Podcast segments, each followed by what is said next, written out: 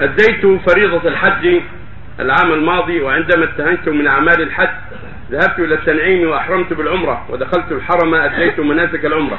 من طواف وسعي وحلق وغادرت في نفس الوقت من مكة المكرمة دون أن أطوف طواف الوداع. آه، جهلا مني وظننت أنه يكفيني طواف العمرة. فما الحكم؟ وإذا يكفي ما دام طفت وسعيت وخرجت في الحال يكفي طواف العمرة يكفي مثل ما جاء في حديث عائشة طافت بعمرتها ثم خرجت مع النبي صلى الله عليه وسلم ولم يذكر أنها طافت بعد طواف العمرة.